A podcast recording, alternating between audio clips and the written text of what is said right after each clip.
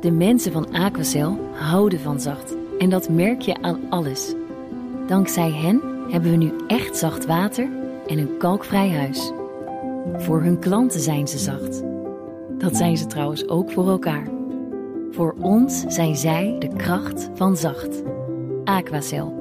100% zacht water, 100% kalkvrij. BNR Nieuwsradio. Kees Dorrestein en Liesbeth Staats.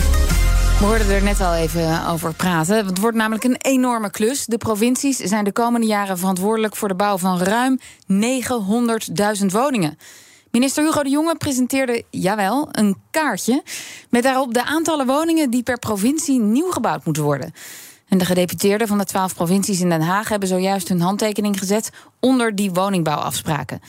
Met die afspraken wil de jongen de regie op de woningmarkt terugpakken, zoals hij dat noemt, en zo meer betaalbare woningen bouwen. Dat zijn torenhoge bouwambities van de minister. Gaan die 900.000 huizen er komen? We bespreken het met politiek verslaggever Leendert Beekman. Hey Leendert. Je was uh, bij die presentatie van de plannen. Ja.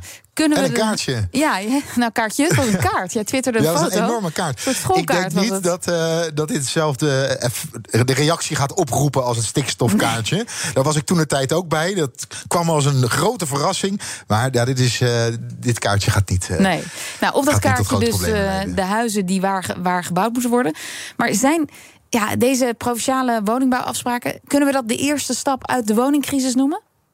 Ja, het markeert wel een ommekeer in het denken over volkshuisvesting. Er was een groot geloof in de vrije markt. Ja, dat geloof is helemaal weg. Dus zijn er afspraken met de provincies gemaakt waar ze zich aan moeten houden.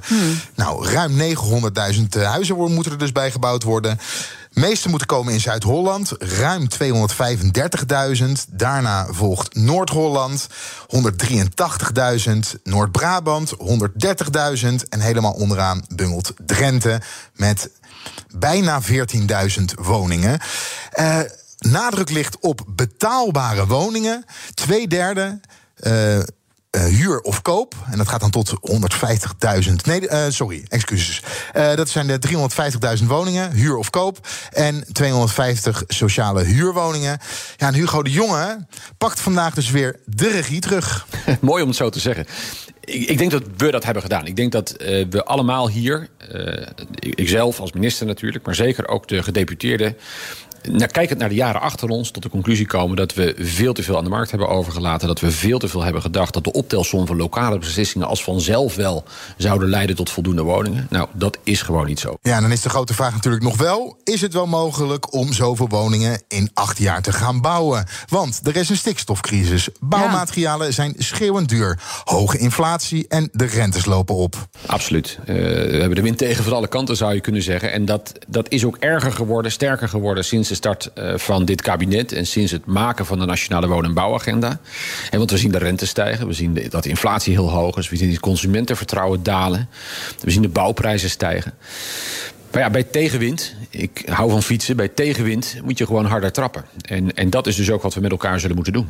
Ja, Ja, harder maar, trappen. Ja, maar Leendert, eh, ze hebben een handtekening gezet vandaag, die provincies. Maar kunnen ze dit uitvoeren als er zoveel tegenwind is? Het is nu aan de provincies om in samenwerking met de gemeente de afspraken verder uit te werken in regionale woondeals. En daarin komt concreet te staan wat de bouwlocaties gaan worden, voor welke doelgroep, of het huur of koop gaat zijn. En ik sprak over die ambities en het uitwerken van die woondeals met Kees Loggen van de provincie Noord-Holland, gedeputeerde. Hij moet dus 130.000 woningen gaan bouwen. En hij kijkt daarbij terug naar de lessen die hij geleerd heeft bij de vorige bouwcrisis. Ja, dat hebben wij bij de vorige crisis geleerd. Hè, om de, de bouw vooral niet stil te gaan leggen. Hè. Dat hebben we bij de vorige crisis, eh, eind jaren eh, 2000, hè, hebben we dat wel eh, gedaan. Eh, dat heeft een enorme na-effect gehad eh, in, de, in de recessie. En wij moeten ons echt met elkaar ervoor zorgen dat die bouw aan de gang blijft. Ja, dus ondanks dat de wind tegen is nu, gewoon blijven bouwen. Dat is het advies. Ja, en dan nog even een vraag die mij bezighoudt. Je noemde net dat lijstje, dat kaartje. De provincie Drenthe, daar wordt het minst gebouwd. En toen dacht ik, ja, daar is wel de meeste ruimte. Maar het, Ja. het plan volgt dus de vraag en niet eh, de ruimte. Ja, dat klopt. En er is ook gewoon gekeken van waar. De provincie moest zelf met een, met een bod komen. En dan is bij, daarbij is ook gekeken waar willen mensen wonen. En ook is het gebied goed ontsloten. Hè. Kunnen men, hè, op het moment dat je daar gaat wonen, kan je dan bijvoorbeeld, het meeste werk is in de Randstad, veel mensen werken in de Randstad, kan je daar makkelijk komen. Ja. Ja. Nou, de provincies moeten dus zaken doen met de gemeentes voor de uitvoer. En daarom is ook bij ons aangeschoven de Amsterdamse bouwwethouder Reinier van Danzig. Goedemiddag. Goedemiddag. Ja, Noord-Holland, daar wordt ook veel gebouwd. Dan komen we bij u uit. U bent als wethouder verantwoordelijk voor dat, dat de woningen er daadwerkelijk gaan komen. Weet u al hoeveel Amsterdam er moet gaan bouwen? Uh, ja, zeker. Kijk, Amsterdam uh, staat sowieso als stad echt uh, bovenaan in het realiseren van de bouwproductie. We bouwen ongeveer 7500 woningen per jaar. Mm -hmm. En dat betekent dat we er tot 2030 zo'n 52.500 gaan bouwen. Dat is bijna een derde van de provincie dus. Ja, en, en weet u al waar dat gaat gebeuren? Nou, zeker. We hebben uh, fantastische uh, plekken waar je kan bouwen. We kunnen in uh, Amsterdam Zuidoost de Bijlmer echt nog heel veel bouwen. Strandeiland bij Eiburg. en we hebben echt veel, veel mooie veel, bouwlocaties. Veel plekken. Maar die provinciale woningbouwafspraken hè, die vandaag dan gemaakt zijn, gaan die dan de gemeente daar echt bij helpen? Nou, wat ik denk wat wel belangrijk is, en daarom wil ik ook een compliment maken, dat het kabinet weer de regie heeft genomen, ook met de provincies. Um, dat we met elkaar aan tafel zitten voor de randvoorwaarden. Kijk, uiteindelijk bouwen wij allemaal niet zelf. Hè. Dat doen corporaties, marktpartijen, ontwikkelaars. Uh, en dan is het wel goed als er uh, regie is. En ik uh, ben erg blij dat dat nu genomen is. Maar dat betekent niet dat we de woningen al gerealiseerd hebben. En zeker in deze tijd zullen we dan ook echt wel heel scherp moeten kijken wat er nodig is om te voorkomen dat we een bouwcrisis ingaan. Ja, dat het niet van een woningcrisis een bouwcrisis wordt. Want, want wat is nu het grootste struikelblok? Nou, wat wij nu echt zien is uh, dat niet alleen de materialen duurder worden, waardoor de bouwkosten stijgen, uh, maar dat er ook onzekerheid is. En we hebben bijvoorbeeld uh, voor middeldure huurwoningen enorm nodig om te zorgen dat gezinnen in de stad blijven, maar ook de leraar, de politieagent. Ja. Daar hebben we beleggers voor nodig, vaak pensioenfondsen. En die zijn nu door de onzekerheid over het puntsysteem voor huurwoningen enorm op hun handen aan het zitten. Dus ik denk dat er heel snel duidelijkheid nodig is wat we met de huurprijsregulering gaan doen. En echt moeten voorkomen dat we de komende jaren onrust in de woningmarkt uh, pompen. Want wat dan vaak het effect is dat iedereen even achterover leunt. Ja, en, helemaal niks deze... investeert. Nee. Nee, en, nee, en als je niks investeert, dan, uh, dan gebeurt er ook niks. Zo die moet je zijn. Ja, Leendert, wat, wat zegt uh, Hugo de Jonge over die onrust? Ik heb hem gevraagd naar het puntensysteem en hij herkent de onrust, maar hij werkt er ook aan om het weg te nemen. Het puntensysteem voor de middenhuur, en dat is een belangrijke onzekerheid inderdaad, waar uh, investeerders mee te maken hebben. Investeerders uh, zeggen dan, ja, dat, dat is de reden dat we investeringsbeslissingen moeten uitstellen. Nou, het is één van de redenen inderdaad, die onzekerheid. En die kunnen we oplossen door snel duidelijkheid te geven over hoe we willen omgaan met die middenhuur. En als ik Hugo de Jong goed begreep, komt hij morgen ook met een brief daarover. Dus dan zal er meer duidelijkheid zijn. Ik heb hem ook nog even gevraagd van, ja, zoals de heer Van Danzig ook al zei... wethouders bouwen geen huizen. Dat doet een gedeputeerde en de minister ook niet. Daar moet je coöperaties voor hebben en ontwikkelaars. Maar op het moment dat het voor hem niet interessant genoeg is om te bouwen... omdat het simpelweg niet genoeg oplevert, bijvoorbeeld door hoge bouwkosten... ja, hoe ga je ze dan uh, verleiden om toch te gaan bouwen? Nou, Hugo de Jonge noemt zichzelf een stoïcijns optimist. Ik heb hem denk ik wel tien keer gevraagd...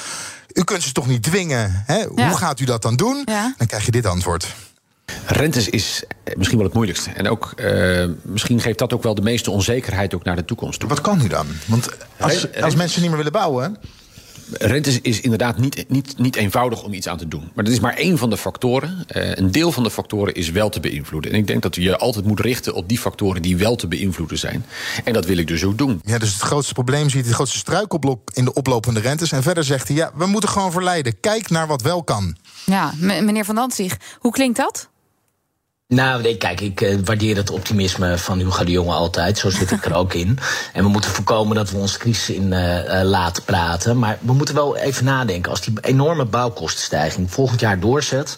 dan hebben we echt een probleem. En ik zou het verstandig vinden van het kabinet nu al na te denken over korte termijn crisismaatregelen. Wat je bijvoorbeeld zou kunnen doen, hebben we de vorige bouwcrisis gedaan, is tijdelijk de BTW op de bouw verlagen. En dat moet je nou pas doen als het echt zin heeft. Mm -hmm. Maar ik vind wel dat je die maatregelen nu al moet voorbereiden. Ja, Leendert, zit dat erin, denk je?